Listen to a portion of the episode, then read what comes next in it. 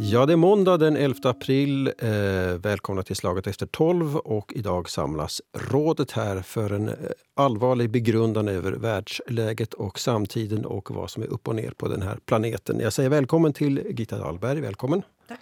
Klaus Bremer, hej hej. Marianne Laxén, hej. Hej.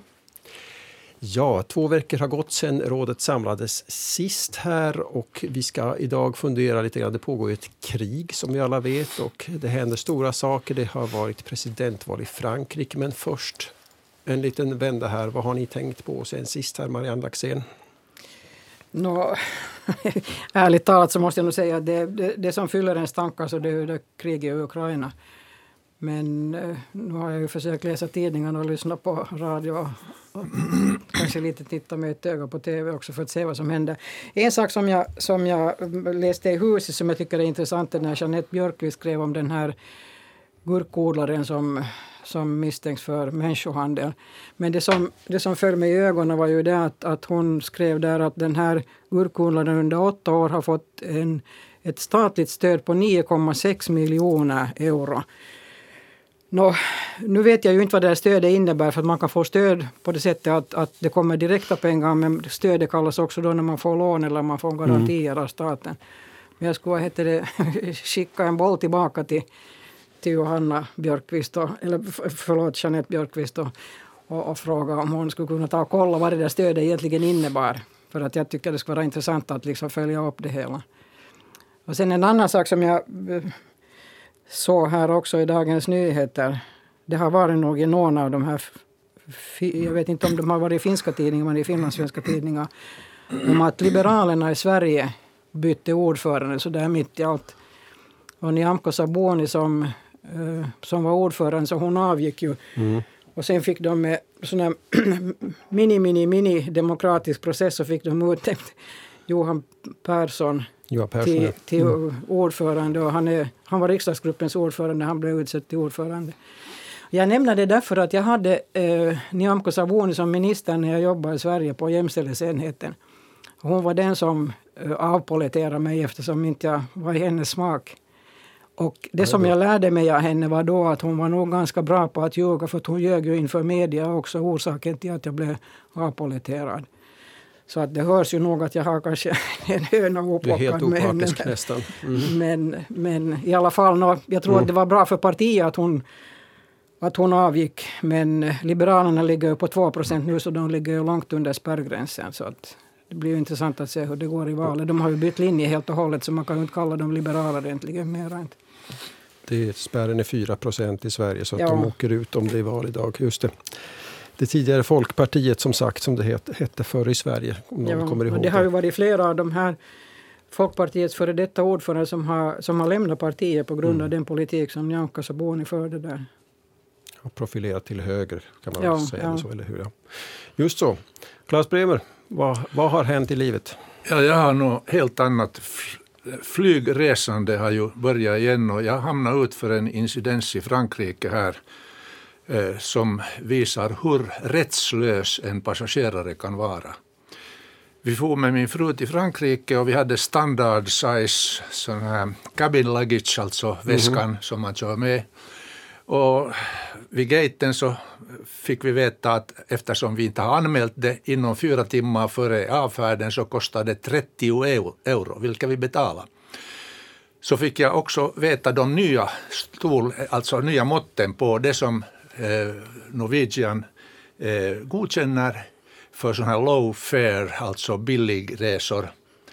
Och, och det, där, det var ett fasligt show i Frankrike. Jag gick genom, genom alla möjliga eh, butiker, eh, två Decathlon och två eh, jättestora andra butiker och hela huvudgatans alla väskfabriker. Och till slut hade vi en som fyllde måttet. Mm -hmm. När jag kom till gaten och det var såna jämström för hemfärden. Två damer står på båda sidorna och checkar pass och landgångskort och, och sånt här. Jag har en enda, den här lilla kassen där min frus allting finns, mediciner och ögondroppar och mina mediciner, allting. Mm -hmm. Så säger damen att den är för stor. Mm -hmm. Ett ögonblick. Vi har just gått och jag har checkat. Det är exakt det som eh, Norwegian nu äh, godkänner efter det var de var konkurshotade och har godkänt en så liten väska att de troligen får in 15 och 30 euro varje gång extra på de här billigresorna. Nej, den ska vara ännu mindre. Den ska vara ännu mindre. Och jag tog fram finska uh, Norwegian-sidan mm. och visade, här står det. Jag förstår inte finska. Strök ut det så här. uh, och så ville hon ha 40 euro. Och jag sa ett ögonblick, mm. det är 30 euro. Jag vägrar att betala. Och det blev ju lite kalabalik där och strömmen mm. fortsätter. Och hon ringer till polisen.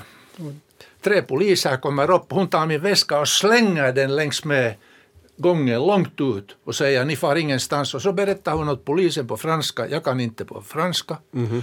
Jag vet inte vad hon säger. Poliserna nickar och säger så här okej. Okay. Människorna börjar gå och säger får jag nu inte gå in i planet på något sätt? Nej, ni får inte resa. Och så väntar man tills alla människor har gått förbi med, märk väl, stora väskor och det som är det nya en liten ryggsäck insmugen, alltså allt flera har små mm. ryggsäckar. Mm. Innanför, och sen, innanför kläderna? Då, nej, eller? utanpå, nej. men okay. när de går förbi så syns det inte, den där okay. checkpajkan. Mm. Och sen, det där, sen har de ju stora kassar dessutom, plus sin lilla cabin luggage. Men du fick inte med din... Dessa... Ja, med min enda ena, mina Lilla. vänner. Jag hade tre vänner där som gick förbi, mycket större gamla väskor. Ingen sa någonting. Hon slängde min väska och, och det där, när alla har gått ombord så sa jag, skulle jag nu inte ändå kunna fara härifrån? Nej. Jag ser bara planet backa iväg med min fru. Jag sitter med alla hennes mediciner och ögondroppar och annat i väskan. Så säger poliserna, de, de blir aldrig handgripliga. Mm. De säger följ med, mm. jag följer med. Klockan är halv sju på kvällen, de leder mig ut från flyg, den här äh, äh, stationen, ja. ut på gatan, säger ingenting, vänder om och går in. Och var blev väskan? Och, och jag står där, jag har aldrig blivit frågad någonting, jag har aldrig fått ge min syn på saken åt polisen. Och, och, det där, och jag står där och jag menar, jag kunde ju vara utan pengar, jag kunde vara finsk, inte förstå ett, jag, jag förstår inte franska, men nu har jag nu klarat mig på engelska förstås. Men att, vet inte vart jag ska vända mig, hur jag ska få en återresa, en, en, en ny flygresa mm. hem följande morgon. Jag, jag, jag, står där helt rättslös och funderar på min fru att nu kommer hon till Helsingfors. Hennes penningbörs är också i, i, i min kass. Hon har inga pengar, hon har inte sina mediciner, ingenting vad gör man i ett sånt här fall? No, Okej, okay. när, jag, när, jag, när jag sen kommer, får härberge och, och, och det där och börjar plocka ut min iPad som jag har haft i väskan i ytterfickan. När damen slängde iväg den så hela bildskärmen är splittrad. Nej. Och jag lyckas till slut med min lilla telefon beställa äh, den här, den här äh, tyska inte Luftwaffe utan Lufthansa. ja, och, och, via, via den här Frankfurt på morgon 06.55. Så jag kom hem på söndag. Mm. Men jag sitter nu och funderar att hur i friden kan någonting sånt här, det heter mot på finska heittele jätte, vad månne det på svenska? Det är väl utlämnande eller någonting ut, sånt där. Utlämnande, utan ja. språkkunskaper, utan eventuellt pengar, utan någonting utan att veta vart det tar vägen, hur jag ska beställa. Det är ju hemskt. Och du är ändå en, en, en man i långt mer än mogen ålder. No, jag skulle säga det också att om det skulle ha varit åt annat håll till all lycka hade jag också min blodtrycksmedicin och min, min, min bloduttunnare pastill där i väskan. Men det kunde ju ha varit annorlunda. Det kunde ha varit mycket allvarligt, ja. ja. Hur kan man bli, hur, hur kan man råka?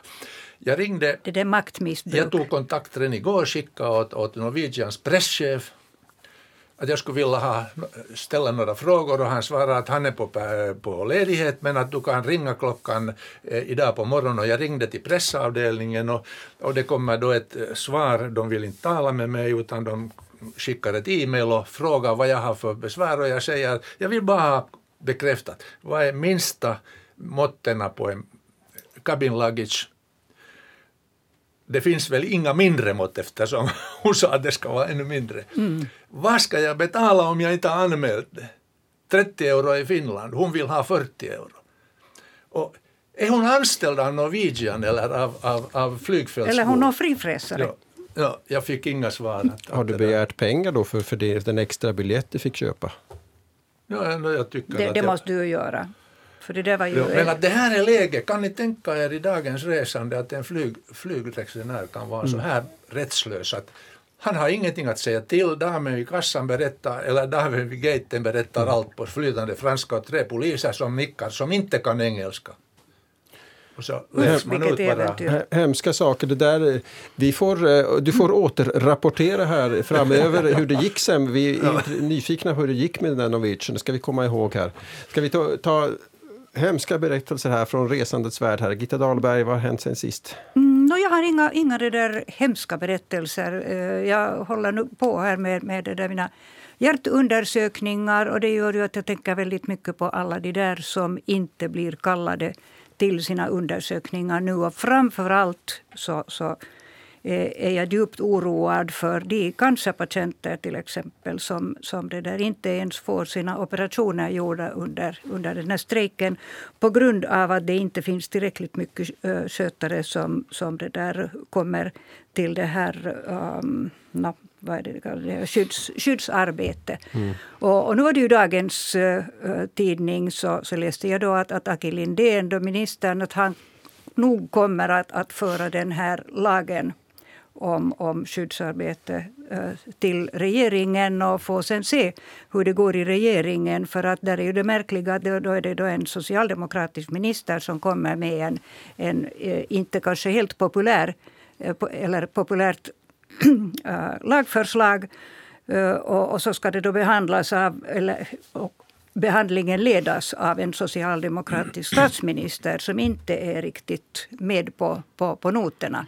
Men, men eh, nu är det ju så, han, han har då eh, talat med eh, justitiekanslern om, om saken och han sitter han säger att han har, det juridiska ansvaret för, för patientsäkerheten. Så att, att det här blir en mycket intressant fråga att se hur, hur det går vidare.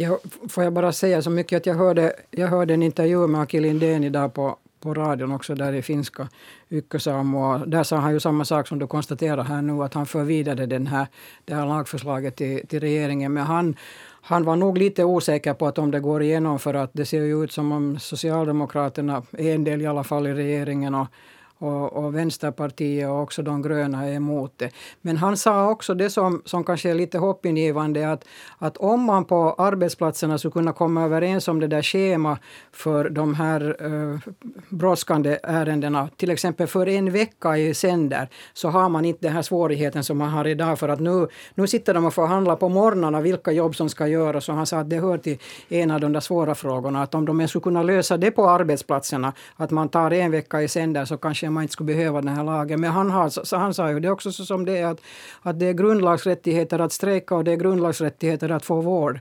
Och det står liksom, liksom mot varandra här nu. Ja. Det är ju det som är det svåra. No, jag, jag, jag tycker ju nog att uh, grundlagsrättigheten till vård eh, och, och, och till livräddning är ju nog, går ju nog fram om andra sådana här rättigheter, politiska Men det rättigheter. går att arrangera utan att, att få den här med, med god vilja, med god vilja ja. Men det Ja, är just ja. det att, att den där, då när den här kamp, eh, kampen är som, som hårdast och, och, och ingen ännu har kommit så långt att, att eh, den börjar vara kompromissvillig. Så, så det är just då som det här är. Och, och, och vems föräldrar, vems barn är det som sen betalar priset för det här? Det kan ju mycket väl hända att det är någon av de strejkande sjukskötarnas uh, anhöriga som blir offer, faller offer för den här strejken. Det, det är inte bara så där att det är vi och det är ni, det, Ja, det är ja. någon annan. Utan man har alltid ett, ett ansvar för... Som, det, det mänskliga ansvaret måste ju ändå finnas. Trots att man ska få strejka för att få bättre betalt. Det unnar jag dem nog. Detta eh, vad som rör rådets sinnen dessa dagar. Eh, ska vi ta den här, eh, den här diskussionen om beredskap? Du, du hade funderingar på det där också. Vi talade inför vad vi ska prata om idag, här, Klaus Breber. Att det ser ut att det här kriget inte tar slut imorgon. Vi måste ställa oss in på energi, stigande energipriser vidare och så vidare. Vi kanske går med i Nato. Det händer stora saker här för oss. Hur klarar vi oss? Ja, du börjar. Jag har sagt det tidigare här och jag säger det på nytt att vi är en medpart i kriget, vill vi det eller inte. Och om vi är med om kriget på ett civilt sätt i all lycka så kommer ingen att mörda oss och, och, och vi får bli levande. Men vi måste se fram emot eh, en inflation och stigande priser, både matpriser och energipriser och allt. Vi kommer att få det mycket svårare och, och tajtare med att eh, komma, eh, komma underfund med livet och klara av det. Så att det där, vi är med i kriget och vi måste vara beredda på att det kostar. Allt krig kostar. Vi kommer att få svårigheter, men vi måste vara beredda att möta det. Och, och det, det, bara är så. Och sen borde vi ju strama till det här att inte st statsjärnvägarna har dragit sig för. Vi har fortfarande fyra stora företag fortsättande, fortsätter i, i, i Ryssland och med alla möjliga förklaringar och annat. Och, eh, vi är på andra sidan den gränsen. Det borde mm. inte få godkännas. Och förutom uh, det att det kostar i, i pengar så kommer det ju att, att kosta också i, i, i frågan om minskade leveranser, det är mediciner, det är andra förnödenheter mm. som vi inte kommer att, att kunna få. Jag menar, vi kan avvara sånt som, som eh, avokado eller sparris som kommer från Chile eller någonting sånt som mm. kom, kommer långa vägar. Men, men sånt som är, är direkt nödvändigt för oss, så där, där uh, oroar jag mig för, för den här utvecklingen. Jag menar, vi har ju redan fått rapporter då från, från Ukraina att de har haft svårigheter, i synnerhet naturligtvis i Mariupol och, och så, att, att få någonting eh, så eh, nödvändigt som, som insulin för diabetiker. Och, och, och det, vi har haft strul också tidigare under alldeles normala förhållanden med vissa mediciner som inte, inte kommer fram. Och så det plötsligt tre, må, på tre månader, fyra månader, sex månader så får man inte ett, ett visst preparat som, som det där man har, har äh, fått ett recept på och, och, som kanske är det enda som, som en, en patient uh, eh, klarar av. Så att vi kommer att se väldigt mycket av det där. Och jag råkade se på, på uh, skrivbordet i, igår, vi har hållit på med lite sån här inte nu dödstädning som man borde göra när man blir äldre men, men i alla fall gjort en viss sån här första röjning. Och, och då dök eh, eh några kuponger från, från krigstiden upp. Då det var min, min svärmors kuponger som, som ännu fanns kvar. Att eh, det är sånt här som yngre människor än, än, än vi inte har en aning om vad, vad sånt in, innebär. Att det innebär ju inte bara det att, att man inte får köpa en, en, en viss mängd utan det innebär ju definitivt att, att det är alla varor kan plötsligt eh, bli en, en bristvara. Och då måste man se fram emot, eller helst vill man ju inte se fram mm. emot någonting sånt. Att det ska, man ska försöka få det att räcka till för alla. Vill ni ge några så säga, goda råd då till, till alla unga som, som nu är vana vid avokado och vad sa du från Peru? Sparris från det Peru? Det var sparris från Peru, för det är sparristiden framför oss. Som kan... de, de, är, de är nog i butikerna. Jo. Alltså, har ni, kan ni ge, hur, hur, överlever man i en värld utan sparris från Peru och, och avokado? Ja. ja. det är lätt. Det är, lätt. Det är, inte frågan om, det är inte frågan om det alls.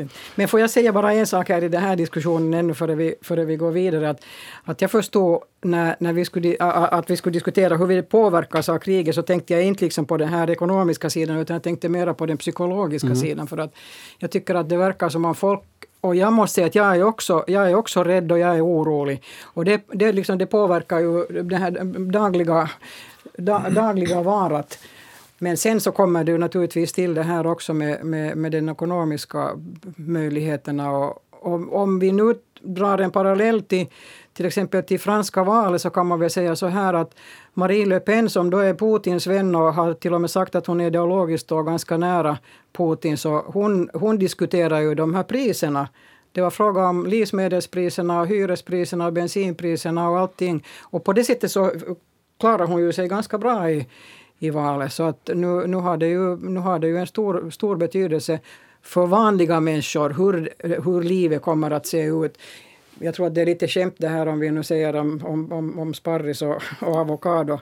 Jag menar det, det det är, nu är det alldaglig mat men, men, men vi klarar oss utan det. Men till det här så skulle jag gärna vilja säga också att jag har hört till dem som hela mitt liv har talat varmt för jordbrukspolitiken i Finland och att vi ska se till att vi har någonting som liknar liksom en bas för att vi skulle kunna klara oss själva. Och det, det, liksom det, det, det, det, är ju det som vi måste inse nu att vi har kanske lite för mycket trott på det här att, att köpa mat också utifrån. Jag tycker annat kan man kanske köpa så mycket men, men mat, maten måste man klara själv. Och jag, om inte jag kommer fel ihåg också så hade väl var inte så att, att finska armén i något skede också beslöt att köpa knäckebröd från Sverige, vilket jag tycker var helt fånigt när vi gör knäckebröd ja. i Finland också. Men det, är, liksom, det är sådana här tokigheter som vi har hållit på med och som mm. man verkligen liksom nu blir, inser att kanske inte var så hemskt fiffigt. Marianne, jag vet, jag var med då under andra världskriget. Jag, äter, jag har lovat mig själv att jag aldrig sätter fisk i min mun. För det som man fick utan, utan, utan kuponger i Helsingfors var fisk. Strömming. Troligen minor som hade exploderat och så samlades döda fiskarna upp. Det var, vi, åt, vi åt strömming hemma hos oss. Morgon, middag, middag kväll halstrat, kokat, stekt och jag grät när jag var liten och lovade att om jag någonsin blir gammal och stor kommer jag aldrig att sätta en fisk i min mun. Det finns fortfarande fisken kvar. Mm. Att det är nog en nödlösning också för Finland i fortsättningen. Det bara att och det lär, jag, lär ju ska vara väldigt hälsosamt. Mm. Jo, det är hälsosamt och det är också havregrynsgröten. Men jag kommer ihåg efter kriget så så var havregrynsgröten full av stickor som vi tyckte. Sådor. Det, vill säga, det var sådorna. Två, ja. två varv bredvid ja, varandra ja. runt de, den där De stack riktigt ordentligt i munnen. Vad är, nu får ni upplysa en okunnig, eh, sent född människa. Vad är sådor. No, det är lite av fröskalet som är, ja. är kvar och det, ja. det sticker som riktigt sticker bra. i munnen när du sätter gröten Men det, i munnen. Då får det, är liksom, det är mera näring när man fick, när man fick dem med. Säkert mycket fibrer ja. Ifall ja. det smalt. Ja, ja. jag tvivlar på. Ja men det finns kvar. Ja. Och sen de som blev Marianne rika, det var nog bönderna som blev rika. Jag kommer ihåg när morsan förde allt vad hon hade, no, armband och annat för att få kött, få, få kött utanför ja, de här ja, matkupongerna. Ja. Så dit får nog allt ja, nu, får man, nu får man ju inte äta kött. Nu är det ju så bannlyst. Nu är det morötter och potatis. Hör du, när det blir krig så duger allt. Det, så, så är det. Kött. När, när maten, maten tryter i affärerna så då äter man vad som helst. Då är det mm. inte frågan om att, att leka längre. Och, och, och man tänker på då de här arma människorna i, i Ukraina som helt enkelt inte har fått mat eller det som har funnits har varit så, så knappt inte ens vatten. Ja. Nej, inte ens vatten. Och det, det var det, det mest en familj som hade tömt batterierna på vatten för att ja. det var det enda vattnet de fick där nere i källaren. Oh, herregud. Usch. Ja. Det brukar inte vara färskt det där vattnet. Nej, nej. nej, nej. Men alltså det här... Men, men samtidigt, du sa det här Marianne, att, att eh, försvaret vill köpa knäckebröd från Sverige. Mm. Och att det, då tycker vi nu att det låter dumt idag. Mm. Varför vi ska självklart göra vårt egna knäckebröd. Men jag menar, vi ska ju ändå ha väldigt eh, redan nu med långtgående samarbete, försvarssamarbete med Sverige. Om vi nu bestämmer oss för att svenskarna är jätteeffektiva på att producera knäckebröd, varför måste... Är det, alltså, det måste ju ändå finnas den här arbetsfördelningsmöjligheten. Du är bra på knäckebröd och jag är bra, vi gör också knäckebröd. Men ni är jättebra på knäckebröd där i Dalarna. Ja, vi, vi kan sälja surskorpor istället. Och ja, till, till och jag menar på, svenska om man, armén. Om man då för saken vidare, alltså, blir det så här... Det är jättebra att vara självförsörjande men att ha som norrmännen odla jordgubbar vid polcirkeln på något sätt. Alltså, de växer ju lite snabbare i Spanien ändå och vi är så att säga Ja, men man, ska hålla, det, här, det, det, här är, det här är det viktiga, att man ska hålla sig till det som ens egen natur klarar av. Och, och, jag kan ta ett annat exempel. att, att eh, och, och det, det, har också med jordbrukspolitiken att göra, vilket jag inte förstår alls hur det kan vara. Men, men under äppelsäsongen i Finland så får man inte finska äppel i Uleåborg utan man får äppel från, nej, från Nya Zeeland eller någon annanstans. Så det, jag menar, det är ju helt huvudlöst. Om man mm. kan odla äppel i Finland så äter vi finska äppel först och sen så köper vi annanstans ifrån om vi behöver till. Och, liksom det här, den här är en sån här vanlig logik. Sen så tycker jag just det här att vi kan inte odla, uh, vi kan inte odla uh, sparris. Det, nu finns det här nere i i Sydfinland så finns det ju sparrisodlingar här också. Men, men, men om, om det är sådana saker som inte vi kan odla så är det klart att vi kan köpa det, så länge det är möjligt. Men, men det, det ska finnas, en, det ska finnas en, en garanti för att det finns mat i det här landet om inte det är möjligt att köpa utifrån. Och då får vi hålla oss till morötter och potatis och äppel. Och, ärtor, ärtor var väldigt ja, viktigt som proteinkälla. Sånt här som är, som är nyttigt men som inte är något riktigt lyxigt. Nej. Det finns bara ett men i den här diskussionen. När vi talar om beredskapen så, så det där Klaipeda ligger där ni vet, mm. den ryska stora örlogshamnen. Och ni vet var Åland finns. Åland som inte vill försvara sig själv. Och Finland ska sköta om försvaret. Det kommer, där finns den ryska ambassaden färdigt och ryska tomter uppe i Saltsjö var det den här sångerskan äh, Grüssner som, som hade förlorat sin, sin, eh, stu, sitt hem där uppe åt, åt äh, ryssar. Äh, det kommer gröna män till Åland. Vet ni vad som händer då? de skär av all förbindelse. Det kommer inte knäckebröd någonstans från Sverige. Mm. Det kommer, de behärskar hela, hela vår sjö, havstrafik. Och 96 procent av allt vad vi får utomlands ifrån, mat och mm. andra förnödenheter, går sjövägen. Mm. Men vänta, ja. vänta nu Klas, sa du Klaipeda, det ligger väl i Litauen? Ja, just det. Ja, ja, okej, okay, vad säger Kaliningrad. Kaliningrad, ja. Jag förstår vad du menar.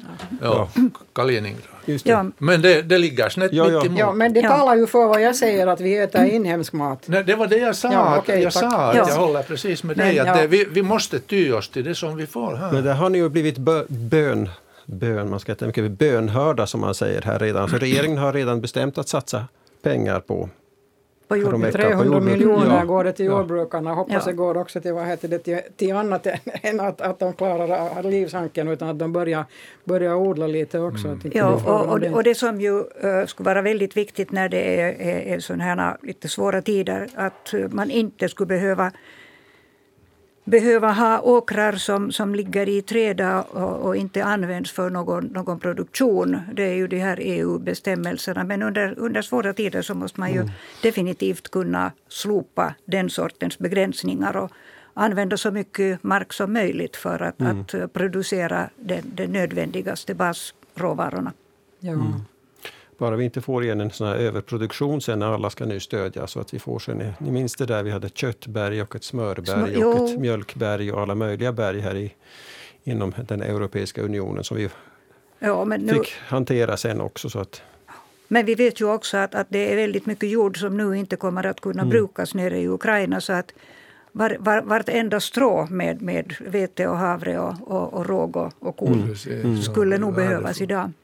Men det som, det som vi inte alls har tangerat här i den här studion när vi har diskuterat det här kriget, så det är ju det att hur, hur ser det ut i Afrika och Latinamerika? Med, specifikt nu när vi talar om maten så är det ju så att, att jag förstår att många uh, nordafrikanska länder är ju de som har köpt mat, eller ja. vete specifikt från både Ryssland och Ukraina. Och det kommer att slå hårt. Egypten är ju ett av de länderna och, och, och, och några andra också. Så att det, det, det, är en sak som vi kanske vi skulle kunna ta upp det till nästa gång till diskussion. Men, men, men uh, situationen också i många afrikanska länder är ju den att Putin har ju ganska många sådana som, som stöder hans politik. Och de ser att det här är nu liksom ett krig som han för mot den här dekadenta mm. västvärlden. Mm. Både, det finns, liksom I Afrika finns det människor som tänker så här och i Latinamerika finns det människor som tänker så här. Vi har ju Brasilien och, och Bolsonaro. Så att, och, å andra sidan så är det också på det sättet att, att eh, människor i Latinamerika och i Afrika tycker ändå att det är långt ifrån dem. Nu är det ju ett krig som är nära oss men det är långt ifrån dem. Och de tänker också så här att nu bryr sig nog de här västlänningarna genom att när de har krig i sina egna knutar men då när de har krig i våra knutar i Sudan eller i Somalien eller någonstans så är inte det någon som bryr sig. Så det finns liksom många sådana här, vad ska vi säga, världspolitiska saker som vi också kanske mm. borde lite fundera på. Mm. Du glömmer helt och hållet Kina. Kina är mycket starkare i Afrika Afrika ännu än, än, än någon annan. Ja, jag satt och, och, och, det där, och Kina och, och Ryssland står ändå nära varandra när det, det ska kämpas mot det här dekadenta Västeuropa. Ja, Men Ryssland har ju ökat sina förbindelser med många afrikanska länder också. Ni hörde ju om Mali där, där Frankrike hade varit så att säga med sina fredsbevarande styrkor. Ja. Och nu har, nu har de bytts ut mot de här Wagner-styrkorna som är, som är då ryska styrkor. Ja. Och i Mali så har de ju haft demonstrationer nu för det här, för mm. Putin. Mm. I, i det här kriget. Så att, och det är inte enda landet i Afrika som, som mm. är, fungerar på det här sättet. Men jag måste säga att jag har en viss förståelse också för det här eftersom, eftersom inte har vi brytt oss om så mycket då när krig förs på andra ställen och, och varit så bekymrade som yes, bland annat det här just att vi har inte ens tagit emot de här flyktingarna Hörde. till västvärlden från de här andra krigen. Utan men nu tar vi det med öppen famn och då ser de ju de här människorna. Det ska vi åtminstone vara glada för att vi tar emot någonting och, och, och, till och med äh, Marine Le Pen är ju så färdig att ta emot vad som helst som kommer just nu här inför valet. Men jag tror inte att ja, det är så många som mm. hinner komma över gränserna under tiden. Har ni följt med det här franska presidentvalet? Det. Nu har ni varit inne, du, Marianne talade om Frankrike, det här i Mali och, och Klaus har kommit just från, från, från Frankrike från semester. Och, och, och, och Gitta Dahlberg talar här om Marine Le Pen. Här. Ni verkar alla tänka på Frankrike idag. Här, va? Jo, jag tänker på, på Frankrike, men, men det där, jag måste nog säga att det har varit väldigt tyst om de här andra kandidaterna i, i våra medier. De har nu egentligen bara ja. talat om mm. de här två så att säga huvudkandidaterna. Ja, men det är de som är huvudkandidater nu. Ja, Macron och Le Pen. Det är två veckor med Marie Le Pen och eh, Macron jag, jag, måste säga att när jag inte har följt med de där franska valförberedelserna så förfärligt mycket så, så har jag saligen glömt bort namnen på, på alla de andra och det kan jag ju förstås göra nu också efter det här. Annat än när det sen gäller att se om, om de då faktiskt gör allvar av sina föresatser att, att uh, nästan mangrant ställa sig bakom Macron. Mm. Ja, no, det, det, det lovade de ju väl fyra av de här partierna som föll under den nästan 5 gränsen som så sa de, jag måste säga att jag, har ju, jag är på väg till Frankrike här om, om en halv vecka. Så att är, men jag har, jag har en dotterson som är intresserad av politik och han har hållit mig informerad nog om det här. Mm. Så att jag, jag har följt med. Och, men det som naturligtvis jag hoppas på är att Macron vinner det här. Men nu efter, efter det här första valet så var det väl någon gallup som gjorde så då såg det ut 52 procent för Macron och 48 procent för Le Pen och sen var det en annan, det var lite mera för Macron. Mm. Men det beror på naturligtvis hur, de, hur, hur aktivt de här andra går och röstar. Och det som är lite problematiskt är väl närmast den här Mélenchon, den här vänster vänster, som fick 22 procent av rösterna och han har inte uttalat att han stöder Macron i det här skedet ännu. Så att det är hans väljare som nog är tungan på vågen ganska mycket misstänker jag. Jag tror han har gjort det på förmiddagen nu. Här, faktiskt. Ja, okay, jag, jag, jag, jag, jag, jag tyckte att jag, hörde han, han har nu sagt mm. det han kom ju trea där. Men jag tänker så här också att, att det, det, det, är ju det här att det är ju väldigt ytterligt. Alltså, vi ska väl komma ihåg den här Macron, han var ju ett, han är sin egen egentligen. Vi kan inte, om vi ska försöka orientera oss här i finländsk partipolitik så Macron är ju, alltså det, Jallis Harkimo startade Rörelse Nytt nu, vad heter, ja. Rörelse Nu heter det på svenska, ja, ja. Som, som, som, är inspirerad av den här vad heter det. Republik en marche, det vill säga den här partiet han. Så att, som, att han, det blev inte riktigt samma framgång för, för här i Finland. Men, men till exempel det här att, att Socialistpartiet som det heter i Frankrike som motsvarar Socialdemokraterna. Som är moderata socialister, ja, ja, Som, som hotar egentligen nu bli utan partistöd för att Precis, de är helt 1,7 procent av rösterna. Ja. Förra gången så hade de president då före Macron. Ja, den där Hollande va? Ja. ja, Marianne, ja. du far först nu till Får jag, säga jag att jag var där just Norwegian. en vecka. Jag, kom i, jag använder inte Norwegian. Hör du, jag kom därifrån igår ja. när valet var. Så kanske jag får säga att det som förbluffade mig var att man såg ingenstans i gatubilden Nej. Att det överhuvudtaget var frågan om ett val. Inte heller i fransk television upplevde jag mm. något sånt. Det talades om Ukraina och sen var det underhållningsprogram och, och om man tittar på, på sportprogrammen så L'Equipe så fotboll och allt annat. Att eh, världen tyckte sitt leva med i det där valet och det såg man ju också att det var, var det ungefär lite över 50 procent som, mm. som valde överhuvudtaget. Nej, det var 70, 74 procent, ja det blev så mycket. Fast det, var, fast ja. det är lågt enligt, fransk, eh, enligt, men, enligt franskt eh, system. Men, men, men, det som var problemet var ju det att Macron inte tog del, han hade ju ingen valkampanj före ja, den här får delen. Jag fortsätta. Alla gånger. Mm. Tack. Nämligen det som förbluffade mig där var att, att äh, den här, man, man väntar sig kanske ett ännu jämnare val. Macron fick sist och slutligen ändå mera röster än vad man hade räknat med. Ja.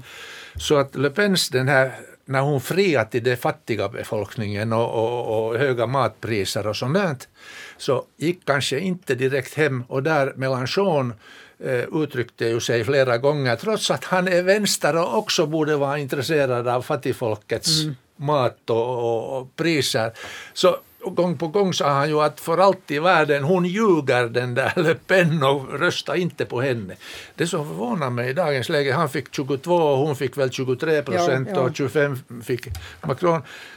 Eh, Kanske jag är för infiltrerad i finsk pol- politik, men att varför, var, varför går inte Mélenchon ändå ihop med, med, med, med Le Pen och säger att, att det där, hej vi båda jobbar för den fattiga befolkningen och för eh, bättre att- levnadsförhållanden. De vinner valet och sen kan de sitta och göra upp. Han han säga tror ju inte på Andersson och henne. Hallaho skulle Ja. gå ihop här. Så att ja, det, Nå, det det har Ja. du troligen Ja, han är dessutom mera vänster än, än vad heter det, uh, Li Andersson. Jag, jag tippar på att det tar fart nu när, det, när den här tvekampen börjar Ja, så kommer ja. det nog att, att eh, då kommer nog pajkastningen igång ordentligt och jag är alldeles övertygad om att, att alla de som stöder Macron av, av de här som är med i, i, i valrörelsen kommer att, att eh, pe, peka på det faktum att, att eh, att Le Pen är en Putin-vän och Le Pen är en, en invandrarfientlig person. Så att, att det kommer nog liksom att flyga alldeles andra argument i luften nu än, än Säkerligen, ja. omsorgen om, om, om de fattigastes eh, mat. Precis, hon har ju fått dessutom finansiellt stöd från, från Putin också. Så att det, det är Macron nog behöver ett inte komma i- heller mycket emot levnadsförhållanden och annat där för att vinna skyhögt tror jag. Ja, Så att låt oss hålla tummarna. Jag tyckte jag såg Det, det är viktigt för Finland också med, med tanke på nu de här Ja, för hela NATO, Europa. NATO, jo, Macron för är nog en, stor figur i europeisk politik. If- Vi, vi bryr oss ofta inte, nu reser ni alla till Frankrike stup i kvarten, jag blir alldeles avundsjuk här. Inte Men att, jag, jag har inte varit där på flera år. nej, inte jag heller. Men att, eh, men att det ändå är ju så att, att jämfört med andra länder så är det ändå lite, vi talar inte om Frankrike varje dag här i Finland. No, det är väl det att franska är ett svårt språk och, och det finns ju inte så hemskt mycket information på andra språk. Na- Naturligtvis, där Le Monde kommer ut på engelska också, men, men jag tror att det kan, det kan ske lite det är lite svårt. Det är engelska som är första språket hos oss och det är därför som man vänder sig mera Till mot... och med tyskarna andra. talar mer engelska Ja, än precis. franska. Men fransmännen har ju lärt sig nog. Nu klarar de, De sig på unga engelska. där. talar ju perfekt. Du Ja, går in i ja. vilken butik som helst så får du betjäning på Ja, engelska ja. Ja, så var det nog inte tidigare. Men Nej, det är ju samma oh, sak nej, på nog i, i, 90-talet. i, i det fransktalande Schweiz. Att det var nog väldigt länge så var det omöjligt att kunna köpa någonting på, på något annat än, än På franska. 90-talet i Frankrike också, när du gick in i några butiker så tittade de sådär på dig. att pff, Ja, jo, jo. förbi dig. att Men kunde man ens franska. behjälpligt uh, franska så, så var det redan väldigt bra. Det var på den tiden när, när det där, var det,